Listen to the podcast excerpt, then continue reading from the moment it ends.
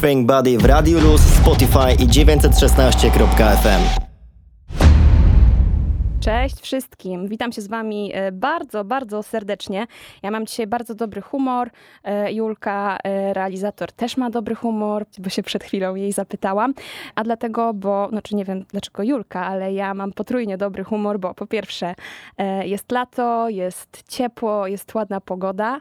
Po drugie, niedługo się bronię, więc wiecie, trzymajcie za mnie kciuki. A po trzecie, dlatego, że dzisiaj startujemy z nową letnią ramówką w akademickim Radiu Luz, a to oznacza, że Think Body właśnie już wkroczyło w tę trzecią z kolei e, ramówkę, także kolejne kilka miesięcy tego gorącego, jak zapowiadają wszystkie prognozy lata, będziemy się tutaj słyszeć na antenie Radia Luz, ale mam też nadzieję, że i dłużej. A nawiązując do pracy magisterskiej i, i, obron magisterskich, no to dzisiaj właśnie będziemy rozmawiać o jednej e, z takich prac.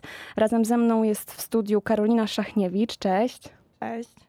I ty, Karolina, napisałaś e, pracę, która dotyczy niepełnosprawności. Ta praca nosi tytuł e, Komunikowanie wizerunkiem niepełnosprawności w przestrzeni publicznej i, i mediach. Ale zanim o tej pracy, to ty się już obroniłaś, czy jeszcze nie? Nie, jeszcze nie. Jeszcze tydzień. I jak będzie dobrze, to będę magistrem. No wiadomo, że będziesz magistrem, trzymamy za to kciuki. E, no i właśnie o tej e, pracy magisterskiej Karoliny dzisiaj będziemy rozmawiać.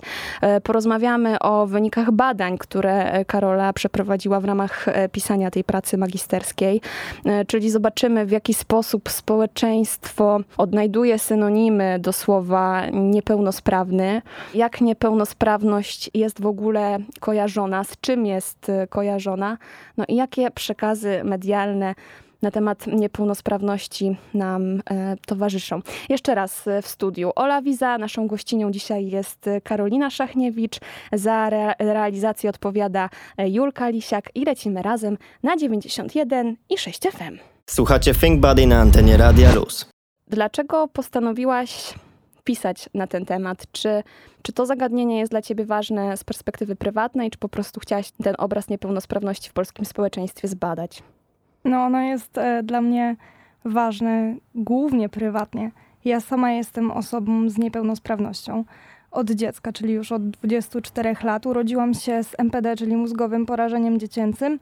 E, moje wynika z e, wcześniactwa. Po prostu urodziłam się 3 miesiące za wcześnie i moje kończyny nie zdążyły wykształcić się może tak, jak, jak powinny. Więc zdecydowanie ten temat jest mi bardzo, bardzo bliski. To w takim razie wytłumacz nas, naszym słuchaczom, w jaki sposób ta niepełnosprawność się u ciebie objawia, no bo nie wszyscy mogą wiedzieć, czym właśnie. Tak, mózgowe porażenie dziecięce ogólnie e, może wynikać. Yy, z wielu rzeczy. Wcześniactwo jest jedną z przyczyn, rzadko kiedy jest to mm, genetyka i ogólnie samo MPD objawia się zaburzeniem motoryki i ruchowości kończyn. W moim przypadku są to głównie kończyny dolne, chociaż jest to też niedowład e, lewej ręki.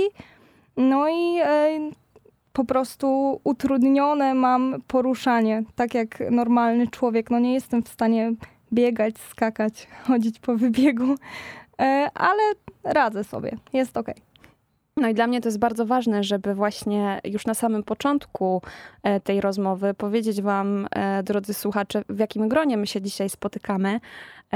Jest to dla mnie ważne mm, ze względu na to, żeby uprawiać tak zwane dobre sojusznictwo, o którym zresztą z Karolą też rozmawiałyśmy sobie chwilę poza anteną. I, I do tego dobrego sojusznictwa trochę natchnęła mnie y, Ula Chowaniec, która razem z Natalią Skoczyla sprowadzi swój podcast. Ten podcast się nazywa Wingardium Grubiosa. Ja was serdecznie zachęcam, żebyście sobie zobaczyli, przesłuchali tego podcastu na, na Spotify'u. I tam jest e, jeden e, odcinek tych, tych dwóch dziewczyn, które rozmawiają o dyskryminacji ze względu na, na wygląd w odniesieniu do, do grubych osób, ale grubość, niepełnosprawność, nieheteronormatywność, czy jakikolwiek, jak, jakakolwiek inna nienormatywność jest, no niestety, ale powiem, to jest powodem do dyskryminacji społecznej. No i tam dziewczyny w swoim podcaście się skupiają na, na problemie grubości i fatfobii w społeczeństwie, więc one o, o tym sojusznictwie mówiły w kontekście e, grubych osób. No i tam Urszula Chowaniec powiedziała powiedziała takie, takie słowa, że ją denerwuje to, że w przestrzeni medialnej, jeśli mówi się o właśnie grubości, to nie wypowiadają się na ten temat osoby rzeczywiście grube, tylko osoby uprzywilejowane, bo, bo szczupłe. E, no i ważne jest dla mnie, żebyście wiedzieli, że, że Karola ma bardzo prywatną perspektywę e, na, na temat niepełnosprawności, bo w pewnym sensie też się z nią, z nią mierzy. Natomiast e, jest to ważne, żeby, żeby to zaznaczyć. Ale czy ty, Karola, właśnie zauważasz jakąś taką analogię pomiędzy słowami Urszuli Chowaniec, które e, dotyczą grubości, a, a tym, w jaki sposób mówi się o niepełnosprawności w mediach? Bo mam wrażenie, że w przestrzeni medialnej nie zauważa się takich osób. Nie ma prezenterów, którzy się poruszają na, na wózku, nie ma prezenterów e, w telewizji bez nogi, czy osób niewidomych, które reklamują coś tam. Tak, to prawda, chociaż e, faktycznie tak jak zmienia się świat, tak zmienia się i podejście, więc e, tak samo jak zaznaczyłam e, w swojej pracy magisterskiej, 20 lat temu wyglądało to jeszcze troszeczkę inaczej, kiedy pojawiały się pierwsze kampanie społeczne i kampanie reklamowe. W tym momencie głównie mam wrażenie, że dzięki social mediom temat idzie do przodu, bo można wymienić kilku kilka osób e, z niepełnosprawnością, które faktycznie prężnie w przestrzeni social mediów działają i, i komunikują, informują o swoim życiu. E, Jest jeszcze bardzo dużo do zrobienia, takie mam wrażenie, przynajmniej właśnie a propos tego, co ty, Olu, powiedziałaś, że, że brakuje w tej przestrzeni medialnej, e, w takim e, ujęciu codziennego odbioru tych e, prowadzących, właśnie prezenterów i tak dalej, ale mam wrażenie, że właśnie te osoby z niepełnosprawnością działające w social mediach e, sprawiają, że cały ten temat e, idzie ku lepszemu, że on faktycznie w końcu pojawił się w pewien określony sposób na językach ludzi i jest to ta walka z dyskryminacją postrzegania osób niepełnosprawnych, osób z niepełnosprawnością, o czym o tej różnicy też powiemy później, e, w określony sposób, bo całe myślenie o niepełnosprawności już od lat i mam wrażenie od prehistorii, bo tam się wszystko zaczyna, ewoluowało razem z rozwojem cywilizacyjnym. E, Mimo wszystko, że żyjemy w XXI wieku i wy, wydaje nam się, że ten świat jest w pewien sposób uprzywilejowany, to tak naprawdę grupy marginalizowane zatrzymały się Dalej są marginalizowane. tak, jakby niektóre już mniej, niektóre bardziej, w zależności od tego, jak ten temat się tak naprawdę porusza, z, jakąś, z jaką częstotliwością, ale no nie byłoby nas e, dzisiaj tutaj, gdyby tego problemu wciąż nie było. Ale też nie byłoby nas tutaj, gdyby właśnie ci e, twórcy internetowi, którzy też się tym tematem e, zajmują, ale ja mam wrażenie, że to jednak cały czas się dzieje w sposób oddolny. A w przestrzeni medialnej, poza jakimiś kampaniami społecznymi czy sporadycznymi programami, o których też sobie za chwilę powiemy i ocenimy, czy one robią dobrą robotę, czy, czy jednak złą, wciąż się o niepełnosprawności nie mówi, tak jakby, tak jakby jej nie było. Tak jakby ludzi z niepełnosprawnościami w Polsce nie było. Ty masz takie wrażenie, czy to, to tylko moja taka Mm, obserwacja? Mam wrażenie tak osobiście, że jak e, mówi się o osobach z niepełnosprawnością, mówi się w kontekście takich dwóch biegunów, trochę skrajnych. Bo albo to jest przedstawienie osób jako tych osamotnionych, jako tych chorych, niedomagających w jakiś sposób, chociaż używanie takich słów jest przecież krzywdzące, e, wybrakowanym w czymś i nie mogącym w 100% uczestniczyć w życiu społecznym tak e, pełnowymiarowo jak, jak reszta, albo w drugą stronę pokazuje się ich jako superbohaterów, którzy mimo przeciwności losu po prostu noszą e, niewidzialną pelerynę i radzą sobie z tym swoim okropnym losem, z którym przyszło im żyć. Brakuje złotego środka trochę. No i zaraz e, nad tym złotym środkiem się e, zastanowimy, także zostańcie z nami. To jest Think Buddy na 91 i 6 FM. I przed sekundką zaczęłyśmy rozmawiać sobie o tym, mm, jak niepełnosprawność jest przedstawiana w mediach.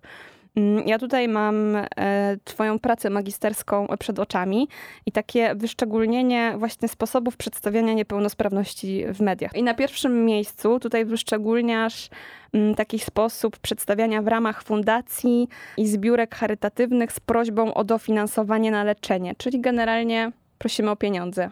No, warto też zaznaczyć, że to są tabele e, zrobione na podstawie badań, które ja przeprowadziłam, więc e, te wyniki, które są e, tutaj zobrazowane, pokazują percepcję tak naprawdę odbiorców i społeczeństwa, więc to ich zdaniem ta niepełnosprawność w mediach jest właśnie pokazywana pod kątem finansowym, bo chyba tak to trzeba wprost nazwać.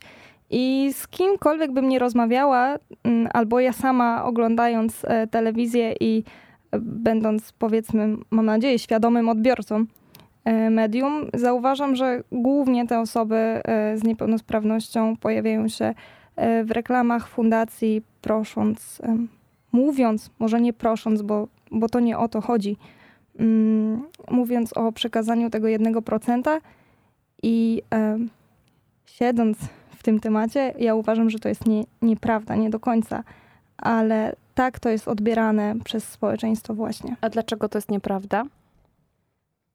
Bo to proszenie, w cudzysłowie, o pieniądze mm, wynika z wielu czynników, które są niezauważalne gołym okiem. Tutaj nie chodzi tylko o mm, życie z dysfunkcją e, fizyczną i lub intelektualną, tylko e, całe tło, które za tym idzie, bo troszeczkę mam wrażenie, pomija się w tym wszystkim opiekunów osób z niepełnosprawnościami, którzy czynnie uczestniczą w ich życiu, a w zasadzie w większości przypadków to życie w pewien sposób e, do tej osoby podporządkowują i tak naprawdę te pieniądze pozwalają im wszystkim i osobom z niepełnosprawnościami i ich rodzinom bądź opiekunom prowadzić normalne życie.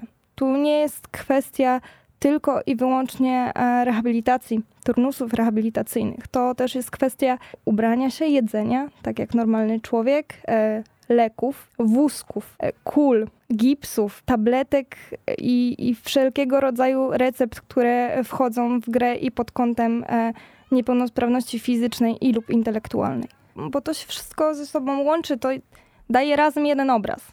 On jest może mniej lub bardziej spójny dla, dla odbiorcy, bo każdy jakby widzi jedną rzecz, ale nie musi zobaczyć e, od, od razu drugiej. No, no, każdy punkt e, widzenia zależy od punktu siedzenia, prawda? E, Jakiejś wrażliwości też. e, empatii, ale to właśnie rozmawiałyśmy e, już poza, poza tym, że empatia, a w zasadzie jej brak, to jest, mam wrażenie, choroba cy- cywilizacyjna XXI wieku, że na empatię nie, niełatwo tak liczyć w dzisiejszych czasach, wbrew pozorom. I to, jak osoby z niepełnosprawnością są postrzegane w mediach, poza tym, że te fak- faktycznie pojawiają się te, e, te reklamy e, z fundacji, nie wiem, czy zauważyłaś, w jaki sposób często te, te dzieci, ta młodzież albo osoby dorosłe są po prostu obrazowane w tych reklamach. No, to są często urywki tego, jak ćwiczą albo jak, e, jak płaczą, albo jak proszą, że, że czegoś nie, nie mogą zrobić. I moim zdaniem to jest ten e, błąd e, największy narracji medialnej, która za mały nacisk kładzie na edukację, bo osoba z niepełnosprawnością jest przede wszystkim osobą. Czyli ona w jakimś stopniu mniejszym lub większym prowadzi życie, które nie, y, nie ogranicza się tylko do tej danej niepełnosprawności. Tak, może być czynnym uczestnikiem życia społecznego, prawda? Ostatnio w ogóle ym, pojawił się w, w telewizji taki program. Ty widziałaś jego dwa odcinki. Wszystkie. A, wszystkie, to już wszystkie, to, to ja stanęłam na tych dwóch, jakie widziałaś. To tylko kilka dni. Ja tutaj e, pozwolę sobie przytoczyć kilka słów e, z profilu e, Life on Wheels, czyli Wojtka, który też jest osobą z, z niepełnosprawnością. I on tutaj pisze tak. Ponadto umieszczenie na pierwszym planie rodzimych celebrytów pozbawia nas podmiotowości, bo może kilka słów jeszcze, zanim zacznę cytować dalszą część tego wpisu. Chodzi o to, że jest grupa osób z niepełnosprawnościami, grupa celebrytów i ci celebryci spędzają właśnie Te tylko kilka dni. te tylko kilka dni z, z osobami z niepełnosprawnościami. No i mm, no jak ty to odbierasz i jak to jest pokazane, to zaraz e, po, po, powiemy, ale przeczytajmy słowa Wojtka, które były napisane jeszcze przed emisją tych, e, tych, pro, tych odcinków. To oni są tutaj najważniejsi, to o celebrytach. My znowu stajemy się tylko dodatkiem, szczęśliwcami, którymi wspaniałomyślnie zgodziły zająć się gwiazdy show biznesu. Jest to całkowicie sprzecznie z moją misją, gdyż walczę z przedmiotowym traktowaniem osób z niepełnosprawnościami, ze stereotypem zakładającym naszą bierność, czyli właściwie z tymi przekazami medialnymi. On pisze o tym, o czym my przed chwilą powiedziałyśmy, o, taką, o tej takiej bezradności osób z niepełnosprawnościami. No ale a propos tego programu, co tam zobaczyłaś i jak to odebrałaś też jako właśnie osoba z niepełnosprawnością? No ja bym chciała tylko jeszcze na początku dodać, że Wojtek robi wspaniałą robotę. I mam wrażenie, że z, ze wszystkich e, około tych tematycznych źródeł Wojtek jest po prostu książką wiedzy na ten temat i, i, ja bym bardzo chciała z tego miejsca zachęcić, żeby po prostu wejść do niego na Instagram, bo wiele można się dowiedzieć i, i oczy otwiera na wiele rzeczy. Ale wracając do tego programu, no ja go na początku, szczerze mówiąc, nie chciałam oglądać, bo byłam sceptycznie nastawiona i faktycznie po obejrzeniu pierwszego odcinka miałam bardzo ambiwalentny stosunek do tego. E, to z jednej strony mogło być oczywiście też spowodowane, większą lub mniejszą niechęcią do aktualnych celebrytów występujących w odcinkach, jasne, ale mam wrażenie, że mm, ten program mimo starań, bo tego nie można oddać, został osobom z niepełnosprawnością poświęcony program, więc to już jest krok w dobrą stronę. E, zostały te mm, problemy przedstawione dalej powierzchownie. My widzieliśmy urywki tych żyć naprawdę i w zasadzie kilka tych czynności, które, w których e, osoby pełnosprawne, tutaj celebryci, musieli e, pomóc osobom z niepełnosprawnością. I mam bardzo, bardzo mieszane uczucia odnośnie do tego programu. Bardzo cieszę się, że on powstał i, i mam nadzieję, że jeżeli będą późniejsze odcinki, zostanie. E, Zmieniona konwencja? Nie zmieniona konwencja, nie o to chodzi. Po prostu zostanie pokazane więcej, troszeczkę. I mam wrażenie, że ten obraz niepełnosprawności, szczególnie, że osoby występujące w e, tych odcinkach, te, które się zmagają z różnymi dysfunkcjami, to są naprawdę poważne dysfunkcje. I mam wrażenie, że ten obraz i tak został pokazany łagodnie, że to nie było jeszcze w 100% to. Pink Body. Teraz, Karolina, chciałabym się Ciebie zapytać, mm, jak Ty, jako osoba z niepełnosprawnością, odbierasz te dwa zwroty? osoba niepełnosprawna, a osoba właśnie z niepełnosprawnością. Jaka jest różnica? Jakie są konotacje znaczeniowe a propos tych dwóch wyrażeń? I tutaj przyznam szczerze, że ja sama przy pisaniu e, tej pracy magisterskiej nauczyłam się bardzo dużo, bo jak ktoś wcześniej on mnie określał jako osobę niepełnosprawną, ja w ogóle nie czułam się w żaden sposób poszkodowana i mm, dla mnie tych dwóch zwrotów można używać zamiennie, jeżeli y, do momentu, kiedy osoba z niepełnosprawnością nie zażyczy sobie inaczej, faktycznie, bo tutaj wszystko chodzi, y, chodzi o inkluzywny język, ale faktycznie różnice znaczeniowe między tym są, a przynajmniej takie, mm, które są bardziej, bardziej czytelne, bardziej e, wskazujące, bo osoba niepełnosprawna, e, to określenie zakłada pełen byt. Ta osoba jest niepełnosprawna. Kropka. Czyli całe jej życie jest niepełnosprawne, od Dokładnie. początku do końca. Dokładnie tak, jak powiedziałaś. I mając w głowie obraz określenia y, osoba niepełnosprawna, no jakie ty byś miała skojarzenia? No, że jest niesamodzielna, że nie może właśnie zrobić iluś tam rzeczy, że jest w pewien sposób wykluczona, no i nie może właśnie sprawnie uczestniczyć w jakiś sposób w, no, w społeczeństwie, w życiu społeczeństwa. No ale tutaj mówisz o tych y, społecznych y, elementach, a twój obraz, jak myślisz osoba niepełnosprawna, bo często myślisz osoba niepełnosprawna i pojawia ci się ktoś o kulach, na wózku. I w ten sposób przez to narzędzie, przez ten przedmiot definiuje się cała osoba. Całą grupę też całą grupę, bo niepełnosprawności jest wiele. Są trzy stopnie niepełnosprawności, są różne rodzaje uwarunkowane różnymi rzeczami. To nie jest tylko niepełnosprawność fizyczna, to jest również inte, niepełnosprawność intelektualna. I określenie osoba z niepełnosprawnością pozwala mm, wykluczyć parę rzeczy, a w zasadzie wskazać tylko tą część życia osoby z niepełnosprawnością, przez którą ona niepełnosprawna jest. Bo ta osoba w cudzysłowie jeździ tylko na wózku, co jest oczywiście no, no przykre, bardzo dobrze o, o tym wiemy, ale może być tym samym pełnowartościowym członkiem społeczeństwa, bo wózek nie definiuje tej osoby.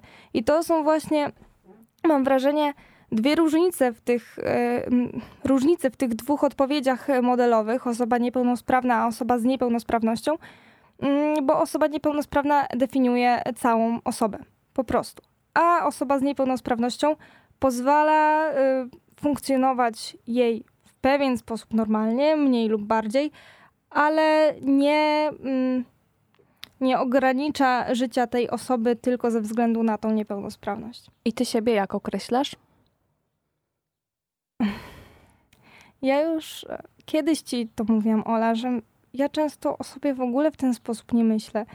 No niepełnosprawność, pamiętam o niej w określonych sytuacjach, faktycznie. I tutaj muszę przyznać, A w że... jakich na przykład powiesz nam? Czy nie chcesz o tym mówić? W porządku. Po prostu jeszcze muszę zaznaczyć przed tym, jak to powiem, że ja mam szczęście. Po prostu. Bo moja niepełnosprawność, mimo że, że wydaje się ograniczająca, jest tak naprawdę niczym w porównaniu z tym, co, co niektóre osoby z, niepełno, z czym niektóre osoby z niepełnosprawnością muszą się mierzyć. Nie, nie pobiegnę, nie wejdę na górę, nie zrobię wielu rzeczy, no, potrzebuję czasem asekuracji nie wejdę po schodach, jeżeli nie ma poręczy, co też jest e, dużą barierą architektoniczną, jeżeli chodzi o osoby z niepełnosprawnością, zarówno i barierki, i podjazdy, i rampy, i tego typu rzeczy. Ja tą swoją niepełnosprawność widzę w lustrze. I nie jak siedzę, bo bardzo często, kiedy poznaję nowe osoby i jak siedzę, to jest wszystko ok. Dopiero jak wstaję, to widzę taką sekundę zdziwienia na ich twarzy. Coś jest nie tak. A boli cię to jeszcze, czy już się przyzwyczaiłaś? Czasami. To zależy od mojego humoru i dnia, ale też zależy od e, reakcji danej osoby. Tak mi się wydaje, bo jeżeli ktoś zareaguje takim pytaniem, a co ci jest? Dlaczego ty tak chodzisz? No to zdarza mi się odpowiedzieć jakimś głupim żartem, żeby wytrącić ich. E, Jakim? Na przykład jak byłam na Woodstocku, to odpowiadałam, że czołg mnie potrącił. Wiesz co, no jakby na Woodstocku pojawił się czołg, to bym się w sumie nie zdziwiła. No właśnie dlatego tak odpowiadałam po prostu. E, ale już tak jakby pomijając, bo tutaj też jest kwestia dystansu. No ja się musiałam go nauczyć i to przyszło mi tak naprawdę dopiero na studiach, bo od podstawówki mm, gdzieś tam zawsze się trafiała jedna albo dwie osoby i to wbrew pozorom nie tylko nasi rówieśnicy. Również e, i osoby młodsze, którym można wiele wybaczyć, bo są młodsze, bo może jeszcze pewnych rzeczy nie rozumieją, ale i starsze. Bardzo często starsze osoby, odwracające głowę na ulicach, jakby po prostu zobaczyły coś niesamowitego. I faktycznie to dalej boli, Szczególnie w niektórych takich e, sytuacjach, kiedy ktoś najpierw powie, zanim pomyśli. I tu nie chodzi o obchodzenie się jak z jakim z nikim. Nie, wcale nie, ale yy, zdarza się, że ktoś myśli, mówiąc wprost, że ja nie mam problemu z nogami, tylko jestem pod wpływem alkoholu. I zdarzają się przykre komentarze z tego powodu. A kiedy się czujesz osobą w takim razie z niepełnosprawnością? Mm. A, czyli, że y, jakby wiem, że ta niepełnosprawność jest zauważana, ale nie jest y, w ten sposób. Nie jest kluczowa w Twoim życiu. Jak nie mogę wejść po schodach, na przykład. Wtedy, y, chociaż mam wrażenie, że jeżeli chodzi o, o takie życie społeczne tutaj we Wrocławiu, od kiedy przyjechałam na studia, to jest po prostu nieba i ziemia. Tutaj trafiłam na wspaniałą osobę i, i wspaniałą uczelnię. Naprawdę uniwersytet daje tutaj radę. Uniwersytet Wrocławski, podkreś, podkreślmy. Chodzi, chodzi też o to, że nigdy nie było pytań, nigdy nie było spojrzeń, a jeżeli one były, to były takie, a czy mogę zapytać na przykład. Albo po prostu widzę i czy chcesz mi o tym powiedzieć? Ale to od strony zarówno studentów, jak i wykładowców? Tak. Zarówno od strony studentów i od wykładowców. E, no mówię, ja mam, ja mam duże szczęście, bo na te studia mogłam pójść sama. Poradzić sobie sama. Żyć sama, faktycznie, ale no, mm, były też sytuacje, kiedy i przewróciłam się na schodach e, w naszym instytucie i przewróciłam się w drodze na tramwaj, to kiedyś e, po prostu zamknęły mi się drzwi przed nosem, a ja leżałam plackiem. Mam nadzieję, że ktoś ci pomógł. Nikt ci nie pomógł. No to akurat to była jedna, może teraz wyjdzie, że robię z siebie taką e, bardzo niesprawną tutaj bardziej niż jestem, ale tu akurat była przykra sytuacja, bo byłam na pierwszym roku studiów i biegłam na tramwaj, biegłam z walizką, bo musiałam jechać do siebie do domu e, i upadłam, no bo biegłam. Trochę mi to nie wychodzi, więc po prostu Fajnie, tak, fajnie sobie mówisz. Trochę mi to nie wychodzi, upadając przed tramwajem. Ale czy w takich, Karola, sytuacjach ty się właśnie czujesz ty y, niepełnosprawna, czy z niepełnosprawnością? czuję się niewidzialna. To jest coś jeszcze innego. I myślisz, że to jest problem, taka niewidzialność, a propos dyskusji o osobach z niepełnosprawnościami? No to jest, myślę, że główny powód, dla którego ta dyskusja się e, w ogóle zaczęła. Bo te osoby muszą być w końcu widzialne, muszą być e, postrzegalne jako integralna część społeczeństwa. Jako nie marginalizowana, e, nie objęta krzywdzącymi stereotypami, bo stereotypy pojawiają się, bo są utrwalonymi schematami myślenia na dany temat. I jeżeli e, grupa osób z niepełnosprawnością nie będzie walczyć z tymi stereotypami, pokazując swoje życie jakim jest, czyli jest normalnym życiem, tak jak każdego człowieka. Oczywiście, tutaj odnosząc się do tych em, niepełnosprawności, o których mówiłyśmy wcześniej, które są trudniejsze i, i wymagają więcej opieki, wiadomo, że to będzie wyglądać inaczej. Ale to właśnie to milczenie i ta niewidzialność e, doprowadziła do tego, że ta dyskusja w ogóle w ostatnim czasie jest tak bardzo głośna. Pink Body. Chciałam się jednak ciebie, Karola, zapytać e, o, o jeszcze jedną rzecz, która wyszła u ciebie w, w badaniach do twojej pracy magisterskiej, bo uważam, że ona jest dość istotna, e, czyli o to, jakimi innymi słowami twoi badani się posługiwali, żeby opisać e, niepełnosprawność. Jakie słowa się tam pojawiły i jakie one miały siły znaczeniowe? Czy to były miłe słowa, czy niekoniecznie? No, słów pojawiło się wiele, więc musiałam wyszczególnić te, które pojawiały się zdecydowanie najczęściej i to były słowa inwalida, kaleka, niesprawny, upośledzony i chory. I z czego to wynika? z definicji, które możemy wyczytać w internecie. Tutaj się trochę śmieję, trochę nie, bo, bo niestety e, wpisując e, w wyszukiwarkę e, niepełnosprawność, niepełnosprawne synonimy, to właśnie takie wyskakują. Więc e, to zdecydowanie e, odbiorców e, medium internetowego na, na, na pewną ścieżkę nakierowuje. Ale tak jak na przykład e, słowa niesprawny czy chory nie są złe, ja przynajmniej uważam osobiście, że one nie są złe, no bo niesprawność ym, jest częścią słowa niepełnosprawny, więc wszystko się zgadza. Czy I one same w sobie jako słowa chyba nie mają złej konotacji znaczeniowej. nie? No właśnie o tym mówię. Tak samo jak e, MPD, czy zanik mięśni, czy trisomia 21, to są choroby. Więc wydaje mi się, że ten e, przymiotnik jest akurat w, no, w porządku. Mhm. Tak, e, inwalida, kaleka czy szczególnie upośledzony to już są słowa, które są e, po pierwsze nacechowane emocjonalnie, a po drugie nacechowane pejoratywnie, czyli negatywnie, bo myśląc o kimś upośledzonym nie, nie wyobrażamy sobie mm, zdrowego, mówiąc wprost człowieka. Zawsze wydaje nam się w pewien sposób wybrakowany, więc e, zdecydowanie e, to też wynika z, z jakichś faktycznie przekazów medialnych, czy, czy z tego, jak, em, w jaki sposób czerpiemy y, wiedzę o, o świecie społecznym, bo takie słowa y, w przestrzeni e, codziennej, jak kaleka czy inwalida, się pojawiają. I, I znam osoby z niepełnosprawnością, które same siebie tak określają, ale one tak siebie określają. I zanim, po prostu wydaje mi się, że jeżeli zanim kogoś e, tak drugi człowiek określi, to wypadałoby się zastanowić. Szczególnie jeżeli nie znasz tej osoby, jeżeli nie wiesz, czy on ma dystans do siebie, czy to nie jest dla niego słowo, które generuje jakieś przykre wspomnienia, e, jakiś background, który jest em, Krzywdzący. krzywdzący, to po prostu tak nie mów. Albo w ogóle nie, nie zwracaj się do niego mówiąc o mm, wyrażając się o jego Niepełnosprawności.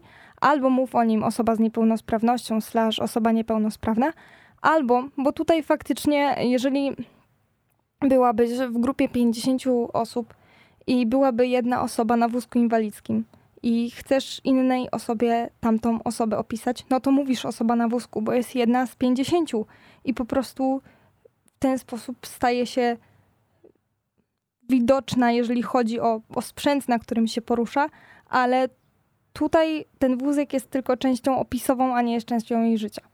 Nie jest nazwana kaleką na przykład, prawda? Dokładnie. Jest w ogóle inny wydźwięk znaczeniowy. Pink Body. Ja Ci, Karola, bardzo dziękuję. Karolina Szachniewicz była naszą gościnią. Ola Wiza, Julka Lisiak program zrealizowała. Dzięki. Nowość. I do Na usłyszenia. antenie Radia Luz.